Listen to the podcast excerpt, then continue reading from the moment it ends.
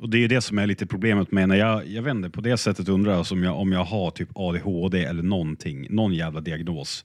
För jag kan gå 100% jävla tunnelseende in i en grej och så kör jag bara. Tills det inte är kul längre. Då är jag bara, Nej, men det är inte ADHD. ADHD det är tvärt emot. ADHD är ju, då kan man inte hålla koll så på du något. säger att jag har autism? Ja. ja, du är autist. Definitivt. Ja, det har också blivit en sån konstig grej det där med att, att folk säger det om allting. Alltså, så fort man bara är, har bestämt sig, så fort man bara är koncentrerad på någonting och sysslar med en grej, så är man autist. Mhm, ja, jo men alla ska ha diagno diagnoser idag. Så här. Jag hatar det där också. Det, nej men sen, sen är jag ju förvånad över att Youtube eh, inte... Eller jo, de gular mina videos, det vill säga att de, in, de begränsar annonser på dem. Så det går ju typ inte att tjäna pengar på det, men alltid när jag överklagar så blir de grönad. Mm. Så det är, jag är förvånad. Jag vet inte om jag blir för PK kanske. Är det det man kallar för att man blir eh, demonetized? Ja, exakt. Så, eh, ja nej jag vet inte. Jag vet inte vad som har hänt. Jag kanske har blivit, jag har blivit för, jag har blivit för mesig. Det kan vara det. Eller Kan att Youtube har blivit lite slappare. Tidvattnet vänder och att de börjar fatta att det är fel att hålla på på det här viset. Ja, Overton-fönstret, eller vad det heter på svenska, det blir större. Det skulle kunna vara så. Jag vet inte, jag har jättedålig koll på Youtube för jag har inte hängt där på Förhoppningsvis typ så är det så. X har ju Ja. ehm, har blivit jättebra på det sättet. Ehm, på vissa sätt kanske gått för långt också, men eh, det är bra att åtminstone ett eh, socialt eh, medium har som ambition att stå upp för yttrandefriheten. Ja, ambitionen har de ju alla. Det handlar ju om vilken självbild man har. Ja, jag tror inte, fast jag tror inte Instagram, Facebook, eh, TikTok, de är inte särskilt, alltså deras definition av yttrandefrihet är väldigt begränsad. Jo, men det är andra saker. Medmänsklighet, rädda demokratin. Så. Problemet med X det är ju fan, det är ju bara bottar. Alltså inte bara bottar, men det är så jävla mycket bottar på de där jävla plattformarna. Alltså. På X?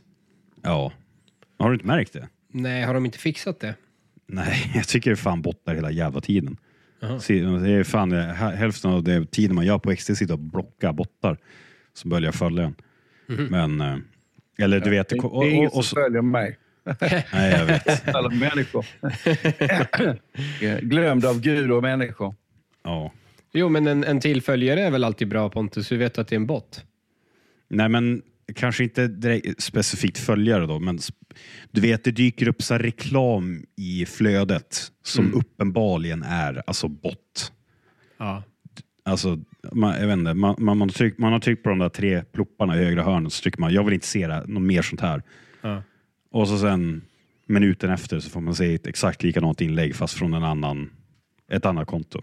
Mm. Så jag vet inte. Men det är väl nice med yttrandefrihet, men det är... Ja. Ja. Nej, ni vet den här um, konspirationsteorin om att uh, mobilerna avlyssnar det vi säger uh, och sen kommer det reklam Ja, och så vidare. Men det gör de ju.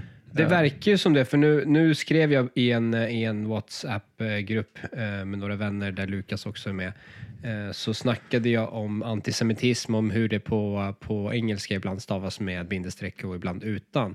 Och då var min poäng då att ehm, ehm, vissa anser det problematiskt att ha bindestreck för då antyder att det finns liksom eh, semitism eh, att vara emot och det finns ingen folkgrupp som är semitiska. Och sen Sen bara några minu- minuter senare så går jag in på twi- Twitter och det första jag får upp är en arab som skriver så här eh, they, they claim I am antisemitic but I'm an, an, eh, I'm an semite myself, typ. Så Men lite det är ju där. världens vanligaste kommentar. Eller hur? Jag är inte rasist, men jag har massa svarta polare. Ja, Men så. alltså, det finns ju... Ja, men det, det, de avlyssnar ingenting. Det har jag väldigt svårt. Det, det, det gör de. det är bara en slump alltså. Nej, algoritmerna är så bra. Alltså, de är så... Eh, de gissar så pass bra. Vad du, på, på, baserat på sökhistorik, vad du, vad du googlar efter, vad du gör, vilka du pratar med vid den tiden, eh, vad du då kan tänkas tänka på. Det är i och för sig sant. Det var ju den här eh, anekdoten med en farsa som eh, blev skitsur på Walmart. Han ring, ringde in och, och, och skällde ut dem för att hans eh, 14-åriga dotter hade fått reklam på så här eh, blöjor och, och välling och sånt. Eh, och då så här, tycker ni det är lämpligt att en 14-åring får upp sånt här liksom? Och, eh, och så visar det såklart lite senare att hon, hon var gravid. Ja.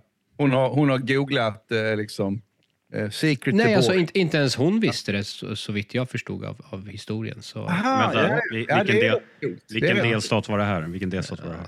ja, du, det, det minns jag. Var det Alabama så är det 14, 14 år, det är typ medelåldern för Ja, precis. Alabama. Ja. inte alls fördomar. Mm. Eh, Nej, men jag tror det, det, de är, det är helt enkelt eh, statistisk eh, fre, fre, det är frekvensanalys. Är det väl? Ja, de, de, hade, de hade registrerat hen- hennes, eh, hennes eh, mönster eh, av, av det hon handlar hade ändrats. Och, och då var det en stat, statistisk sannolikhet att hon var gravid. Ja, det är så, så tråkigt Lukas. Så här rationell och sånt där. Ja, konspirationsteori låter ju mycket roligare. faktiskt. Det är säkert judarna som ligger bakom. Exakt, det är alltid givet. Ja, men det har väl varit en diskussion om det när, i Kina. Och eh, det här, deras, eh, där de ju har ett, ett övervakningssystem och de har ansiktsigenkänning och de, de jobbar mycket med det. Och alla deras sociala medier är styrda och kontrollerade och avlyssnade. Och det här social credit score och Ja, alla dina handlingar i vardagen. Alltså om du är en person, ehm, eh, ett exempel, om jag till exempel är den som alltid ringer Pontus och han, så här, han svarar då och då, men han pallar inte alltid snacka med mig. Eh, bara en sån liten sak kan registreras som liksom att jag är en jobbig jävel. Eh, och speciellt då om, om Pontus är en högstatusperson, jag kanske lever på bidrag, så kan alltså... Allt du nämner stämmer ju exakt. Ja, exakt. jo, men allt sånt där. ehm, allt sånt. Om du, om du köper alkohol på en måndag liksom, klockan 10, det, det registreras som negativt Mm. för din kredit. Ja, men eh, poäng, poängen är att det, det så, den typen av saker registreras ju även i västvärlden. Bara det att den, det är inte kopplat till någon, till någon värdering. Nej, utan det är bara exakt. kopplat till kommersialism. Det är kopplat till eh, försäljningsmönster. Är det alltså minus, han har minuskonto om man köper alkohol klockan 10 en måndag förmiddag? Ja. Det är Det är- alltså väldigt det- antinorrländskt men jag tycka. Pontus, Vem, vem hade du anställt? En person som eh, eh, köper eh, sex eh, Åbro 7,2 år varje måndag, tisdag, onsdag. 17.00. eh, eh, eller någon som inte gör det. Och du vet ing, allt annat lika. Mm. Vem hade du trott gjorde ett bra jobb? Alltså jag vet ju vilket svar du vill ha av mig, men alltså det värsta som kan vara från den andra parten, det är att den personen är nykterist. Då anställer jag faktiskt hellre den som köper måndag, tisdag, Jo, onsdagar. men, det, det kommer också då vara en, en faktor i det. Att du aldrig har handlat en droppe alkohol i hela ditt liv. Alltså det, det måste ju är det också en indikation på att det är en muslimsk terrorist. ja, just det. Ja, eller är han torrboll? Det var väldigt islamofobiskt. Ja. En riktig torrboll. Ja, men man, kan- man kan ju göra ganska mycket. Alltså, eh, det, det vet, alltså, länge har man ju hållit på med det här med skiffer och sådär. När, man, eh, ska, när folk har skrivit hemliga meddelanden till varandra och, eh, i koder. Att man tittar på frekvens av hur, hur långt ett ord är och eh, hur ovanligt det är och så. Och i, även, även utanför den världen så har vi ju LIX-systemet där man bedömer kvaliteten med frekvensanalys. Man bedömer, alltså, ju mer ovanligt ett ord är och ju längre, ju fler antal stavelser det är i det, desto mer avancerad typ av språk och tänkande har du. Om man, om man använder långa, ovanliga ord, så kallat svåra ord, så får man en kvalitetsstämpel på vad det är för en typ av människa. Och det går att göra genom bara, utan att ens fatta vad texten är. Jag behöver inte ens förstå språket. Jag kan göra det på eh, liksom franska, om jag inte kan Ja, det. det finns väl en sån hemsida, alltså vadå, lix.se eller vad heter den? Där Mm. du kan bara gå in och lägga in en text och få det direkt. Om den anses vara lågbegåvad text eller inte. i princip. Mm. Eller vad är det? Det är lätt, det är medel, eller ja, jag kommer inte ihåg klassificeringarna. Men, Det har jag, jag har inte provat den. nej. Men eh, har, ni, har ni sett förresten intervjun med Tucker och Putin? Nej, jag har fortfarande inte sett hela, jag har sett delar av det. Jag har faktiskt inte heller sett hela. Jag har sett sammanfattningen. Ja, Men, eh, för den var väl typ kan två väl timmar tycka lång. någonting om det ändå. Det hindrar väl inte? Nej, nej det, var, det var lite det min poäng var. Att du behöver inte ha sett den där hela för att ja, det är en, eh, en rysk jävla trattdiktator som babblar ut ofiltrerat skit i två Ja, timmar. alltså jag behöver inte läsa hela Mein Kampf för att konstatera att den boken är inte liksom den bästa boken i världen. Eh, Man ska inte bedöma boken efter, efter omslaget.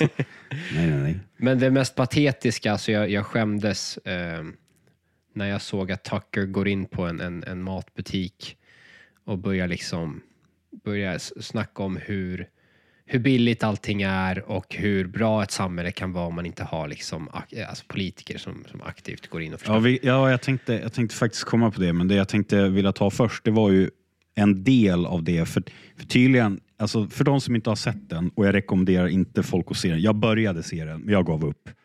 Eh, det, han, alltså Tucker ställer en fråga i princip. Varför invaderade du Ukraina? Och han bara typ så här. För att förstå det så måste jag ta dig på en exposé av Rysslands historia bör, som börjar vid 800-talet. Och så går han igenom typ all rysk historia. Eh, och typ... Alltså... När han kommer, Ja, när han men kommer in... När han, det- kom- det är när ju- han- det är ju- när han- nej, men när- när- när- alltså, det, det, han, han tar upp massa saker som inte har någonting att göra med Ukraina, utan det är väl bara liksom, jag vet inte, han vill bara skryta om rysk historia. Men det mest fascinerande tycker jag, det var när han började prata om andra världskriget och polackerna. Att polackerna samarbetade med nazisterna och styckade upp Tjeckoslovakien. det, det tyckte jag var fantastiskt roligt. Då, då, då, då skrattade jag faktiskt lite grann. Eh, men, men Ja, också... men, men, också men alltså, jag, jag måste säga att eh, det här med att eh, börja att hålla en historisk exposé, det, det, det kan man ju göra. Det är ju inte fel per se att göra det. Att man, eh, från 800-talet. nej, men, nej, kanske inte. Men, men alltså att man tar långt bak. Men det viktiga är ju att man faktiskt landar i ett relevant svar. Ja. Annars så är det ju bara en form av obfuskation. Ja, Ja. dessutom att man kommer med historisk eh, fakta och inte liksom påhitt. Det var ju inget avtal mellan Polen och, och Tyskland. Det var ju Ryssland, alltså Sovjet, som hade ett avtal med Hitler. Von Ribbentrop-avtalet eller vad det hette. Molotov, Ribbentrop. Ja, exakt. Där de, där de skulle dela upp eh, Polen. Så Polen hade ju inget avtal med Hitler. Det, är bara, det, det, det var liksom massa historierevisionism i, i hans Men, jo, men även om man, om man... Men just den här grejen att man börjar med en historisk exposé för att förklara. Ja, det är att- legitimt, absolut. Mm. Men, eh, då måste man ju också landa i, i ett svar. Ja, men hans, poäng, hans poäng var väl egentligen, ja titta, vi, vår historia ger oss legitimitet att bara ta Ukraina, för det är Ryssland. Mm. Och jag funderade ju väldigt, alltså det blir ju väldigt spännande då, var ska vi dra gränsen? Så här, för Sveriges del, eh, alltså om vi drar gränsen vid 800-talet, jag kan ju säga att det gynnar ju oss. Vi kommer ju inte få ett mindre alltså, landområden direkt. Då är det ju typ hela Ryssland vi ska ha i så fall. Det är väl det också som är det, det ogiltiga eller det som underminerar olika former av historiska argument. Att eh, det beror på var man sätter startpunkten. Bara. Ja. Ja, exakt så. Och det, du vet, det, det här äh, historiska legitimiteten Ryssland brukar köra över, att, ja, speciellt Krim då.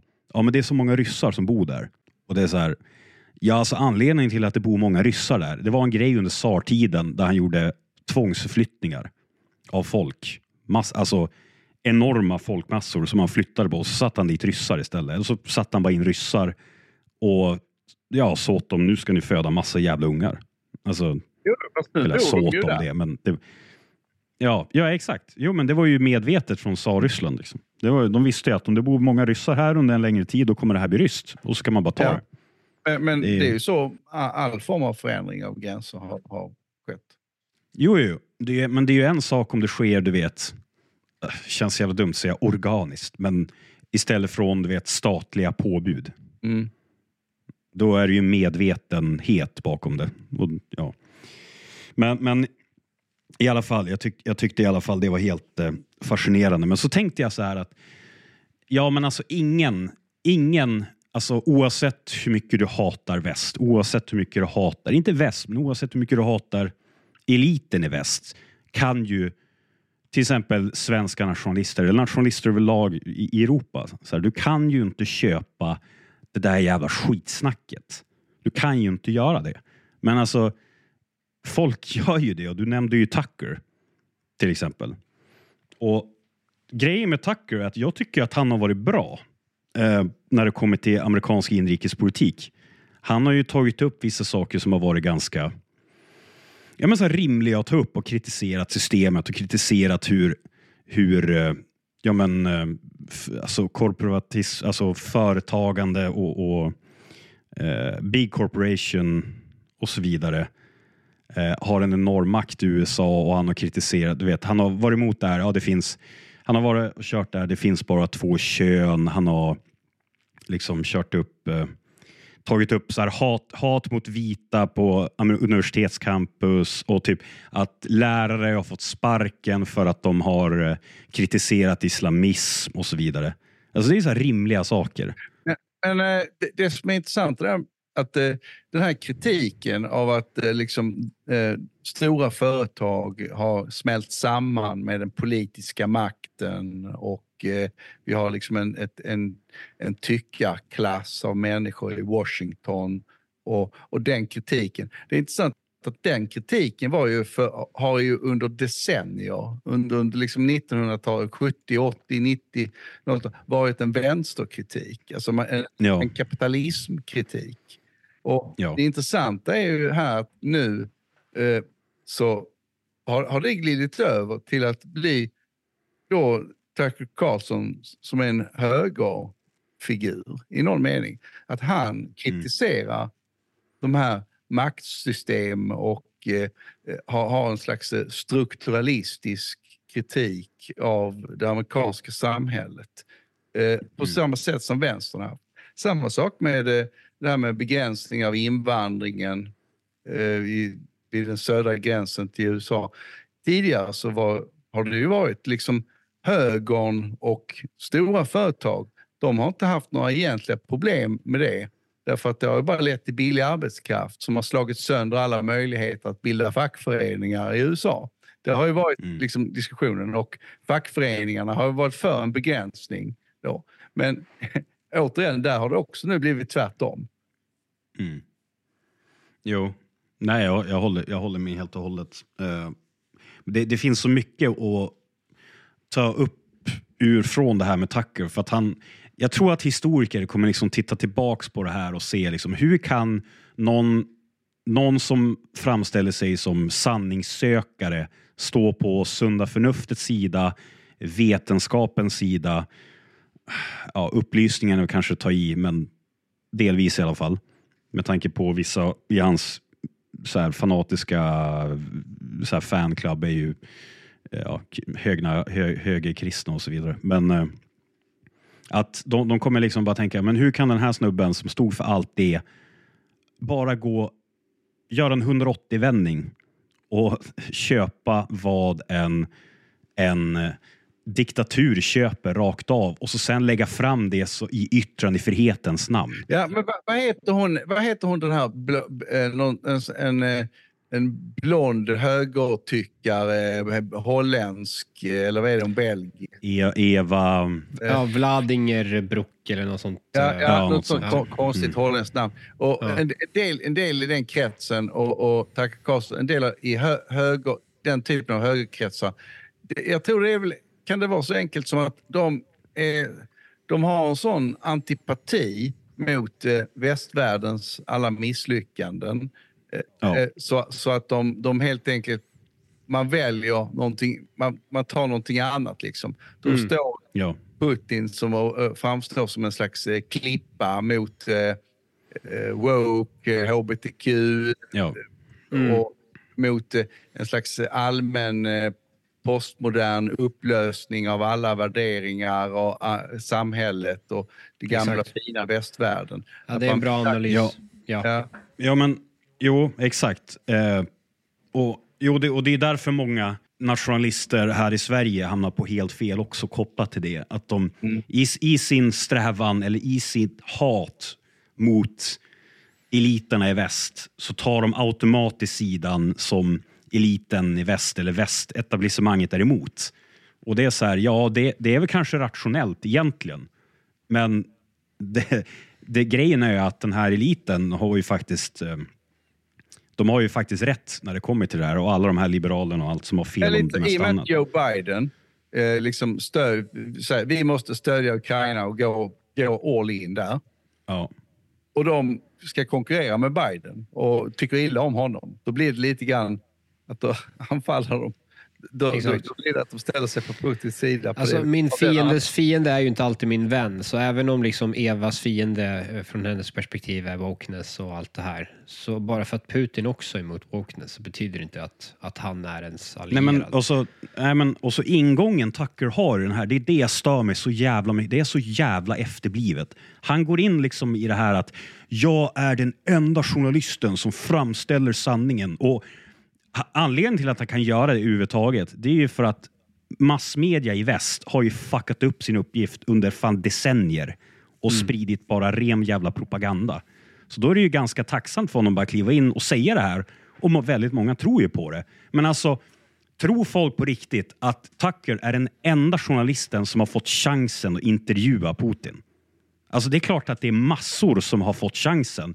Men de har ju tänkt så här, hmm, det är krig. I krig så är det propaganda. Propaganda kan vinna krig.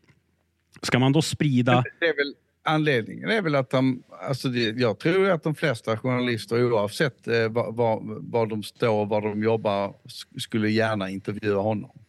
Putin. Men ja, är det absolut. absolut. Men det är ju, Tucker, Tucker har ju miljontals uh, seere och liksom, så han, eh, Putin utnyttjar ju bara han som en, en, en megafon mot väst. Och sen, sen inleder ju Tucker Carlson hela intervjun med att säga, med att ge en värdering eh, och säga liksom att, att han, han först upplevde att Putin försökte liksom köra någon slags eh, red herring eller liksom när, när han började predika om historien. Eh, Men sen så förstod Tucker att han ändå var uppriktig med hans narrativ. Han försökte liksom, liksom va- vara ärlig och, och han, det, så, så, så han inleder hela intervjun med att säga att, att Putin, liksom, man ska tolka intervjun att, att, att han är välvillig. Jo, och han, ja, alltså det, är bara re, det var ju ren aktivist. Och in, det här är liksom... Ja, hur, kan hur objektivt är det? Alltså, en, en journalist som påstår sig stå för sanningen, den objektiva sanningen, det, det är en major red, red flag alltså. Ja, och så jag, jag, stör mig bara, jag stör mig också på det att, eh, ja, men att, att han då, ja, men som du sa, han vill framställa det här som en sökande sökan efter sanning. Och folk säger att ja, men, i yttrandefriheten så är det väldigt viktigt att man får, får liksom, båda sidorna, få, få perspektiven från båda sidorna så att vi kan förstå dem bättre, så att vi kanske kan slippa det här kriget, så vi kan få en fred. Och det är så här, absolut, om ryssen och Putin hade varit liksom rationellt tänkande individer som eftersträvar fred. Ja, absolut. Men de strä- eftersträvar inte, de strävar inte efter fred. Alltså, Nej, det finns ju heller inga egentliga missförstånd. Nej. Nej, alltså, det, det, man har ju försökt förhandla med ryssen ända sedan 2012, 2014. Alltså sedan de gick in i Ukraina.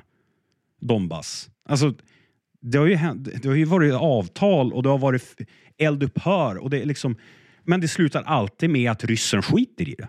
Och så jag, fortsätter jag, jag tycker också, för just det, här, det enda som skulle vara lite intressant, att det blev en hype kring, kring den här intervjun innan, det var ju att eh, det var tal om att det skulle vara en livesändning, en Mm. liveintervju i två timmar. Ja. Och det hade varit väldigt intressant, för, för då kan man inte stoppa, klippa eh, eller göra något sådant. Det, då, då, det hade varit intressant, för då, då, kan, då kan båda parter ta, liksom, ha en, komma med överraskningar och försöka slå omkull den andra. Och så, Ja. Om det verkligen är live och det kan vara att någon reser sig upp och går i vredesmod. Va, vad som helst. Ja. Det, det hade varit en, eh, en eh, stjär- stjärna i kanten. Ja. Men att bara göra en sån här intervju där man sitter i ett palats liksom och pratar. Det, det ger Nej, och, det, och, och det är precis alltså, för när folk är så besatta över det här att ja, men det här är yttrandefrihet och det är så viktigt att vi får en fri diskussion och bla bla bla om allt det här.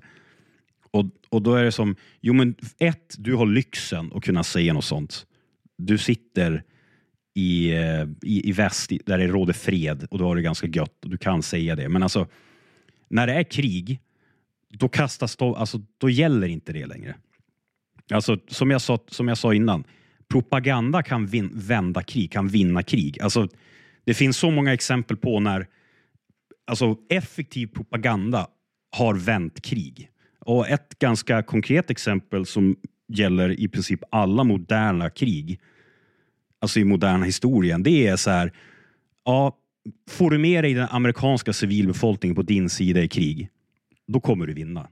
För att amerikanerna har sån jävla massiv industri. Och då när Putin nu vill få ut, han vill ju då såklart få ut så mycket propaganda som möjligt för att så misstro hos den amerikanska befolkningen. Till exempel att ja, men Europa betalar inte ett skit för sitt försvar. Det är bara amerikanerna som betalar för det. Ni har misär, ni har skit. Eh, ni kan inte ens få sjukvård. Varför betalar ni så mycket för NATO? Skit i dem, typ. Alltså, det här är det här, och, och det här med att, för det här får man också höra hela tiden att ja, men eh, jo, Ryssland ljuger ju, men det gör ju Ukraina också. Och det, det, är precis det ryssen vill ha ut hela... Det här är liksom deras nationalsport. Du kan inte vinna det här mot dem. Och då liksom tro att du ändå ska göra det genom, genom att ha en, en sån mysintervju i Kreml med honom och så tänker du att nu ska vi få ut sanningen. Så bara nej, han kommer, han kommer basunera ut lögner blandat med sanning och så får man, vet man inte till slut vad som är sant, vad som inte. Och så, och så sen så kommer man ändå säga ja, men Ukraina är ju likadan. Och då, och det är precis det, är precis det de vill ha. För då kommer, de, då kommer de bara avfärda Ukraina och inte ge något stöd till Ukraina. För de tänker att de är lika korrupta, lika hemska. Ja, målet för detta, eh, för den typen av, det, det är ju att man ska, att allmänheten ska landa i slutsatsen att ja, vi kommer nog aldrig riktigt få reda på vad som är sanningen. Nej, exakt med, med en axelryckning. För får man reda på det, eller tänker man så, kommer man in i det här defetistiska eller det här liksom eh, lite, vad är, vad är det ni ungdomar säger? Uh, black pill. Så liksom att ja, det är bara skit alltid i alla fall. Exakt. Och, och, och, det är ju den, det är den hållningen många nationalister hamnar fel i. Och, och, och, mm. och, de, de, de argumenterar också utifrån så liberala universalistiska principer, universalism. Det, det är så här, Ja, nej men eh, de... Eh, det var då gott och ont? Nej men alltså, då alla är ju lika, lika. Alla är väl, alltså Ukraina, Ryssland är dålig, men Ukraina är också korrupt. Ukraina är också hemskt. Och, och Moralisk eh, relativism ja, eh, alltså så att du vet, så bara, nej, det finns ett gott, en god sida här och det finns en ond sida. I alla fall om man ska hårdra det. Och det, den onda sidan, det är de ryska horderna som invaderar Europa. De, eller ska jag säga asiatiska horderna som invaderar Europa. Och visst, Ukraina är liksom inte så här uh, shiny beacon in democracy. Men fortfarande, det är så här. Alla, alla, alla europeer, alla västlänningar borde ju fråga sig så här. Okej, okay, vad vill ni leva under? Rysk överhöghet eller västlig hegemoni? Ja, det, Finland har testat den här ryska överhe, överhe, överhögheten. Eh, de vill inte göra det igen. Alltså, vi vill inte ha ett Ryssland som dominerar Europa. Och får de vinna Ukraina och få, och få fortsätta, för det kommer de göra. Alltså, man kan inte vara så naiv att de kommer tänka att de ska sluta Ukraina, för det kommer de inte göra. Ja, jag, jag vet eh, alltså, vi, vi, får väl se. Just nu ser det inte särskilt bra ut för Ukraina när vi nej, talar. Nej, det ser skit ut. Senare. Men, det eh, ser jättejobbigt ut. Jättedeppigt ja. ut. Men, uh, jag vet inte. Men äh, återigen det där med, med hur, man, hur man försöker splittra ett land och så. Alltså, det, det har jag väl sagt förr här. Ja, det, det, det är väldigt svårt för eh, en yttre agent att eh, eh, så en klyfta i, i, ett samhälle som är hyfsat välfungerande. Men vad man kan göra är att om det redan finns en klyfta i det här fallet i det amerikanska samhället, då kan man vidga den klyftan. Ja.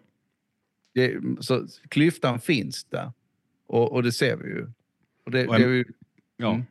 ja alltså, och, och jag menar ryssen, alltså, de, de är ju väldigt uppmärksamma nu på hur de kan splittra NATO ännu mer, ännu mer, väst ännu mer. Och jag menar, om, om, du ser, om, om, man, om man signalerar utåt att Nej, men alltså Ukraina det är inte så jäkla viktigt. Ja, men då vet man det. Och så sen så, ja, men var, var drar man sen gränsen då? Säg att Ryssland skulle starta något lite så här mindre artillerikrig mot Finland, i norra Finland. Liksom. Glesbebyggt, inte så mycket infrastruktur, inte så mycket värt att försvara kanske. Och då, där och då så kommer man ju få se att hur mycket man NATO Men, eh, liksom fungerar. De har, ju fått, eh, de har ju fått fullt upp att göra i Ukraina, så jag tror inte det är särskilt aktuellt. Annars Nej, nu nej. skulle väl, nej, Ryssland skulle väl annars kunna göra då eh, klassikern i, i sådana här sammanhang. Det är ju att hävda att den ryska befolkningen, Ja. som är en minoritet Ja. i landet X, är hotad. Och vi Ja. måste gå in och rädda dem. Det skulle man kunna göra i Baltikum och runt så. Men, men jag tänkte å, åter till det där med, eh, eh, med, med den svartsynen som eh, högern har, i, i, en del av högern har glidit in i, i, i det här i, i det här Ukraina Rysslandkriget. Att, de, att det är en antipati man har mot alla de egna problemen som finns och eh, som man inte kan, ty, som man inte kan eh, som tycks olösliga. Jag tror han, Konstantin Kissin som är en brittisk-rysk eh, youtuber och podcaster, han, eh, han hade en rätt bra analys tycker jag. Att, eh, på Tucker Carlsons intervju att, eh, med, med Putin. Att, eh, har man då engagerat sig, det, det tycks som att västvärlden befinner sig i ett så pass eh, i ett stadie i sin utveckling att de viktiga frågor kan man inte göra någonting åt. Det händer ingenting. Man kan inte rösta bort det. Man kan inte göra det. Det är korrupt. Eh, vi har då till exempel brottsligheten ökar. Eh, migrationen tycks relativt, eh, ja, mer eller mindre okontrollerad, både inne över Medelhavet och i, från Mexiko in. Så de senaste åren så är det ju kineser, somalier och så som kommer in via gränsen till, till Mexiko. Det är, helt, det är helt nytt. Jag såg en intervju med, med någon sån här Texas-sheriff eh, där. Så där har det bara kommit så 200 somalier gående in. De, de, de är inte, de, den amerikanska eh, myndighetskulturen, de, de vet inte riktigt vad de ska göra. De, de är vana vid eh, mexare, puertoricaner, Venezuela och hela det här det spanska, liksom. Hispanic och så. Men nu kommer det eh, sådär, tusentals kineser som flyttar in. Så, så alla de här sakerna som Tucker Carlson och andra har, har varit engagerade i. I USA har du dessutom det här problemet med hemlöshetsfrågan och eh, vi har eh, frågan om, om drogmissbruk som läkemedelsbolagen delvis är, eh, har, har ett spel i.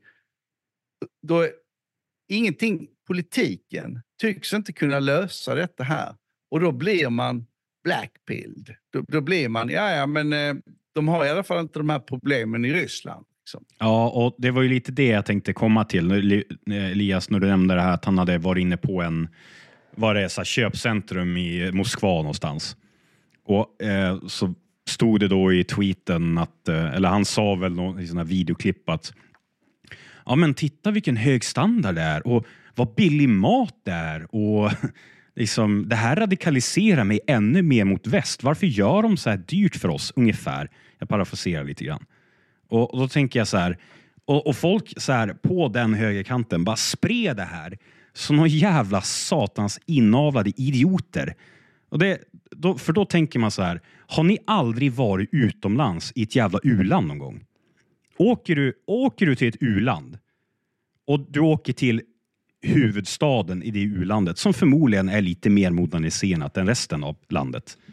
Ja, då kommer fortfarande maten vara billig för att folk är fattiga där. De går Ja, efter det, Det gör där. där, det är ju för den amerikanska publiken. Europeer är ju generellt sett mer beresta än amerikaner. Men Eh, tror du verkligen, alltså, har, har han liksom gått igenom en hel utbildning och en, och en lång karriär eh, som journalist utan att, att höra om, och, och, beg, alltså begreppet köpkraftsparitet. Alltså känner han inte till det? Vet han inte att, att alltså till exempel det här med McDonalds index, så, som du säger Pontus, Ja. alltså det, det är att saker och ting är billigare i Bulgarien betyder inte att, att alltså en, en, en, en vanlig arbetare i Bulgarien behöver jobba fler timmar än vad du behöver göra liksom för, för, för att eh, ja, använda ström en dag. Så även om det är billigare, Exakt. Medelinkomsten i Ryssland är typ 700 euro netto. Alltså, det, det är alltså 7000 spänn per månad. Och så sen så kommer du och säger, åh titta, jag hittar ägg här för fem kronor. Fan, väst suger. Alltså du vet, jag blir så satans provocerad av det här och jag blir ännu mer provocerad över att det finns folk som sprider skiten.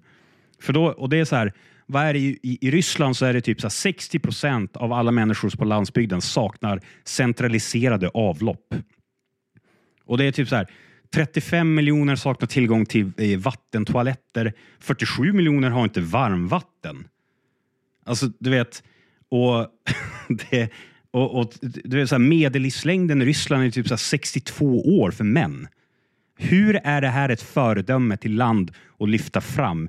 Ryssland är ett jävla skithålsland med en skithålsledning som skickar in sina soldater att dö för absolut ingenting.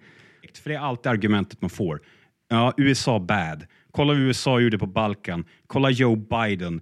Kolla mångkultur. Skitdåligt. Så här, ja, USA är fan inte en jävla ängel. Men jag kan ju lova dig att som svensk så är det betydligt bättre för oss alla ifall USA är världspolis istället för fucking Ryssland eller Kina. Förstår ni vilket helvete det kommer bli för oss ifall Ryssland blir den dominerande militärmakten i Europa? Alltså det blir inte bra. Och så sen så kommer folk och säger bara, ja men USA då? Ja, USA har varit, vi har varit under USAs kärnvapenparaply i 60 plus år. Ja, det är det här jag menar. Alltså, Trumps kritik, alltså, Trumps kritik mot Europa, att man inte bidrar i, i NATO så mycket, och, och liksom den här otacksamheten som du nämner eh, Pontus, det, det, är, liksom, det, det är ju ett faktum att det, det var USA som räddade Europa från Hitler. Eh, Vi kan ju knappast påstå att det var Sovjet liksom. Ja, Jo, eh, det Stalin. Stalin vände sig mot Hitler efter att Hitler invaderade Sovjet, ja. Men han, Alltså, han, han hade inte- samarbetade med Okej, honom först. Ja, jo, jo, absolut. De, de, de offrade väldigt mycket, men samtidigt hade inte Ryssland eller Sovjet fått typ 10 000 lastbilar i månaden av USA så ja, hade de inte haft någon logistik överhuvudtaget. Så att det är väl, ja. Ja, Men- och, men det är- eh, det är- de- det är skitsamma. De var också oroade för att, eh, de, de var oroade för att västvärlden, särskilt England, skulle, skulle kanske sa, börja samarbeta med Hitler-Tyskland. ja. Ja, men folk fattar ju inte, folk kan ju inte historia, så du förstår inte ens att, att när, när USA då vinner andra världskriget och väst, väst vinner andra världskriget. Eh, USA är det första, första exemplet på, i historien där man liksom utfört en ockupation efter, efter ett försvarskrig och sen lämnar. Det händer inte. Historiskt har det aldrig hänt tidigare. Och det är så här, Europa har sedan dess bara fort, fortsatt att demonisera och svartmåla USA som, ja, det här, det här postkoloniala perspektivet är extremt Ja, men det är skadligt. mycket senare. Alltså, då ska man komma ihåg att alltså, USA var ju framtidslandet efter 1945 och på 50 och 60-talet. Då, då var det på många sätt eh, en, en, det är då Hollywood liksom har en blomstringstid. Ja. Surf, Kalifornien. Det, det, det är oerhört positivt. Alltså, när det vänder är nästa generation. Det Ja, är, det är 68, det är Vietnam. med eh, Vietnamkriget. Det är Mm. där det vänder. Det, och eh, Richard Nixon. Och, där börjar det komma in en, en, en, mörkare, en mörkare syn på det hela. Och det här, det här kan pendla det här kan pendla lite fram och tillbaka beroende på vilken typ av demografi man, man tittar på. Det fanns ju en stark nationalism under Reagan på 80-talet som, som blom. Så, så det, det, är väl, det är väl så, men, men jag vet inte. Det här med, det här med att samarbeta. Det var ju ingen tvekan om att Stalin och Hitler var fiender och betraktade varandra som fiender. Det de gjorde Stalin gillade ju tydligen. Hitler. Alltså, Ja, inte i början. Lukas. Alltså, Nej, men vi- Stalin jo. var ju så chockad av invasionen. Han vägrade tro på att tyskarna ha- hade invaderat Ryssland. Att han, han var helt handlingsförlamad Men- men- i tre får dagar. vara noga här med, för att hans, de skapar, de, de alltså har en icke-angreppspakt. Det är liksom inte en slags vänskapspakt. En, vem, vem sluter man en icke-angreppspakt med? Jo, det sluter man med sina fiender.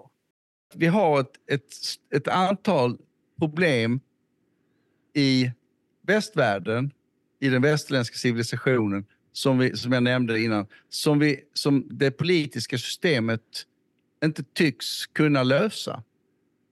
Mm. Det, det är det som leder till frustrationen, som gör att man vänder sig bortåt. Och då kommer man in i det här, ja ja men eh, under Mussolinis tid så gick åtminstone tågen i tid. Mm, Ja, Mm. jo, men ja, precis. Och jag, jag tänker liksom, du vet, för då, då när man brukar dra de här argumenten att USA liksom, ja, bra, det är bra med samarbete med USA. Då är det så här, ja, simpa för USA, du säljer ut landet, nu går med i NATO. Så här.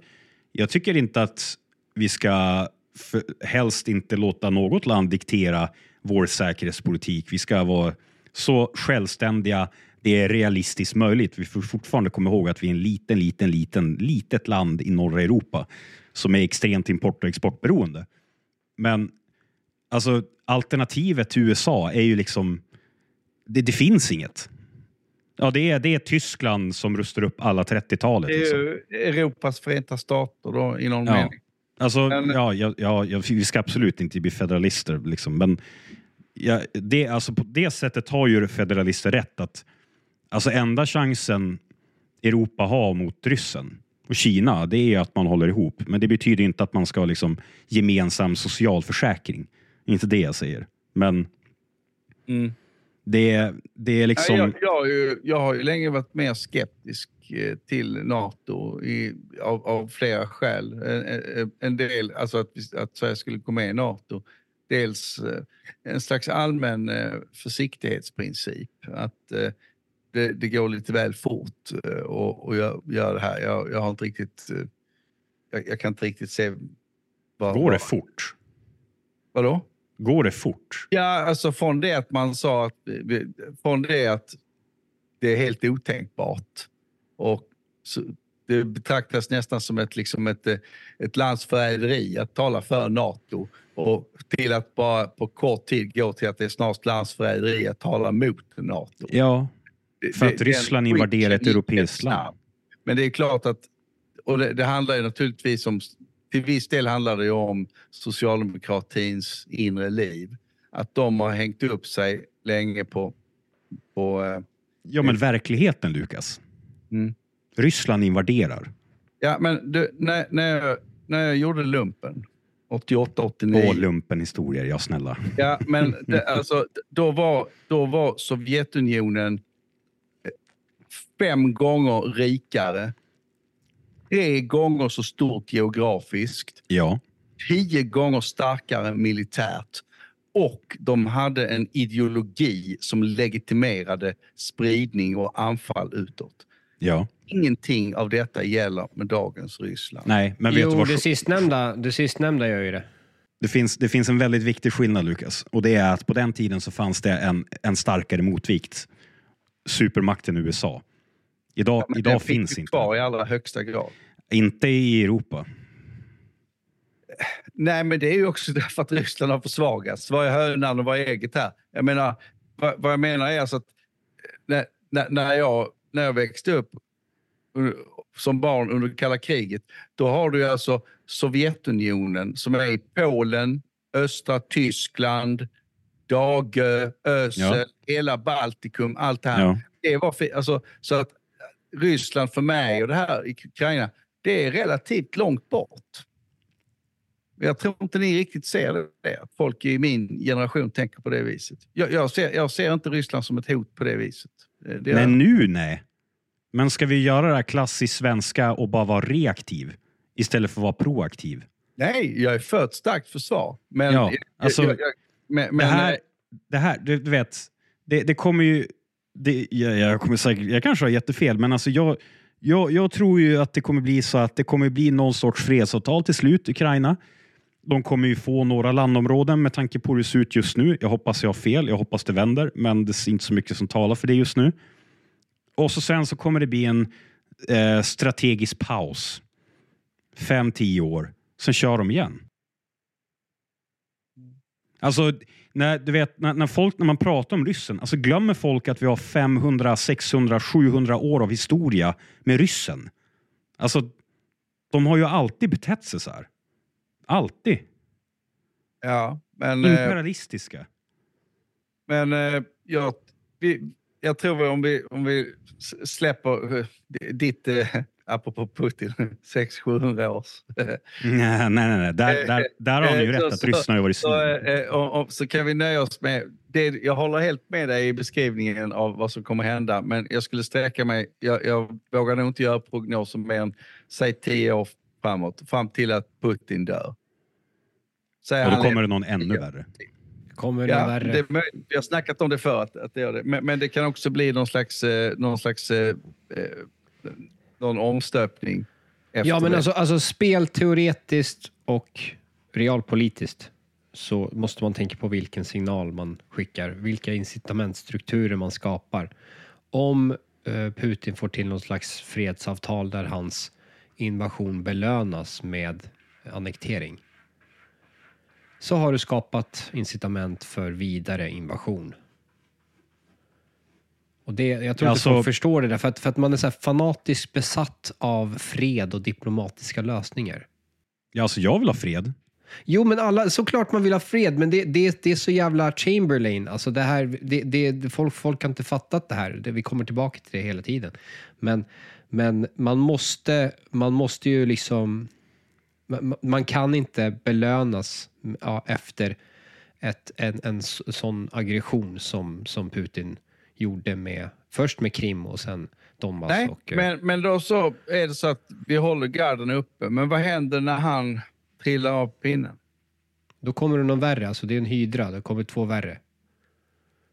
Ja, det är inte säkert, men det är... Det är Jo, alltså det, det är ganska säkert. Ni ser vad som hände, som var naiv och bara... Om, och, till och med Netanyahu sa, du vet när USA höll på, vi ska, vi ska, vi ska få bort Saddam. Så Netanyahu bara, ja, få bort han så blir det fred i Mellanöstern. Bara, Nej, det är, inte, det är inte så lätt. Eh, Det är inte så enkelt som, som det är. Så du, du får, till och med den här Na- Navalny, eller vad han hette, som, som blev mördad nu. Han, han, han skulle inte varit något bättre alternativ till Putin. Han, han försvarade ju imperialismen. Gjorde han? Ja, han hade ambitioner. om- Han, han försvarade invasionen av Krim. Och sen fick han kritik för det och, och backade. Men, men alltså, du, du har samma mentalitet. Ja. Ja, jag, jag är ju då för att Europa ska bli, alltså vi ska rusta upp militärt så inåt helvete. Tyskland ska göra det de gjorde på 30-talet minus nazismen. Det är min åsikt. Ja, Och jag hoppas att, jag hoppas att Såklart Tyskland rustar upp. Jag hoppas att tyskarna, eh, vårt broderfolk i söder som egentligen har varit de vi alltid har sett upp till innan, det blev, eh, innan vi blev influerade av eh, anglosaxiska världen. Exakt. Så- Deutschland über alles. Ja, så det är, liksom, det är Tyskland vi måste förlita oss på när det kommer till alla i Europa. Det är tysk industri som kommer rädda oss. Ett det är välvilligt det att- Tyskland. Vad sa du? varit, ett välvilligt Tyskland hade varit bra. Eh, Det är bättre än Ja, alltså dagens... Tyskland och eh, Frankrike, men, men främst Tyskland. Så Tyskland måste få upp sin industribas och producera artillerigranater och ammunition. Men varför ser du inte till britterna? En, en ny Churchill skulle behövas. Ehm, Det var inte... Churchill var, Churchill var ett rövhål, sopa. Men, Han var ja, kung. Han var den bästa politikern någonsin. ja, jag ser bara hur Lukas blir förbannad när du pratar gött om Alltså, Churchill. han var alkoholist, röker cigarrer eh, och så krigar han mot Hitler. Eh, ja, eh, fantastisk Man kan väl säga att eh, på sätt och vis så en, den sista, kanske stora eller enda styrkan Churchill såg, eh, eh, hade, det var ju att han såg vem Hitler var för alla andra. Mm. Det, och det kan man, skulle man också kunna vända emot honom att eh, it takes a thief to know one. Alltså om man har på något vis ett, ett, ett mörker i sig så kan man känna igen det i andra. Eh, alltså det är bara, jag bara tänker högt här. Men eh, jag vet inte. Eh, nej, men han, eh, det var väl också så att eh, den tidens politiker, den gamla eh, viktorianska överklassen som, som han väl är sprungen ur, de hade ju en, eh, ett bildningsideal so- som var mycket högre. Alltså att man var kunnig i historia, språk och, och så. Man, man, man förstod sådana saker. Och, eh, eh så det tror jag väl är en grej som gjorde att, att han kunde se vissa sådana saker framåt. Men, men, men, sen, men sen också liksom att han hade hybris. Han trodde liksom brittiska imperiet var en grej fortfarande.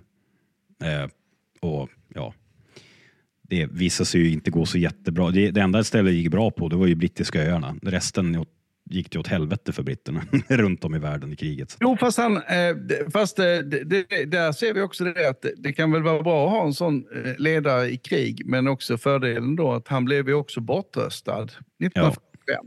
Vilket Det är för att han, han, var, han var väl den perfekta politikern för krigstid. Han var värdelös i fredstid. Mm. Och det, det insåg han nog själv. Ja, han, 1912 så var han kolonialminister i brittiska parlamentet. Så han, han var ju Han, eh, han redan var... under första världskriget. Han Ja, gjorde han väl var- bort sig totalt i, i Turkiet. Ja, han var ju var ju Galippo, eller nå- han var ju ansvarig för den operationen och den var ju total clusterfuck. Alltså. Mm. Ja, herregud. Men han gjorde comeback. eh, Så det, ja. Men ha- han, ja, det, det, han, vi har ju han att tacka för att, eh, att, att vi, ja, att vi, att väst vann mot Hitler. eh, Anser jag. Han och, och En del skulle USA säga såklart. också att det eh, ryska folket. Ja, 28 miljoner döda. det, fast eh, ja, deras uppsåt Alltså, var man brukar säga att det är ett fabrikernas krig. Och eh, USA och Sovjet hade helt enkelt en högre produktionskapacitet. Ja, så är det. Fast, fast alltså, när man ser Sovjet, hur, hur de behandlade de länderna de så, så, så kallat alltså, befriade. Ta hur de behandlade Wallenberg till exempel. Eh, eller vissa judar som då de befriar från koncentrationsläger skickas till Sibir. Eh, så hur, hur jävla... Sibirien på Ja. svenska. Mm. Yes. Lite språkförvirrad. så- Men de fick ju då arbeta för att jobba upp, jobba upp den sovjetiska välfärdsstaten. Ja, just det. Så att alltid något.